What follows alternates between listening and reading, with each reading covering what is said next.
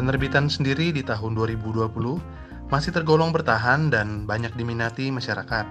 Karena rata-rata, masyarakat kita lebih memilih membaca dengan memegang fisik bukunya. Pohon Cahaya sendiri sudah 11 tahun mensupport banyak orang yang memiliki hasrat dalam berkarya, menghasilkan buku terbitan atas tulisan mereka sendiri.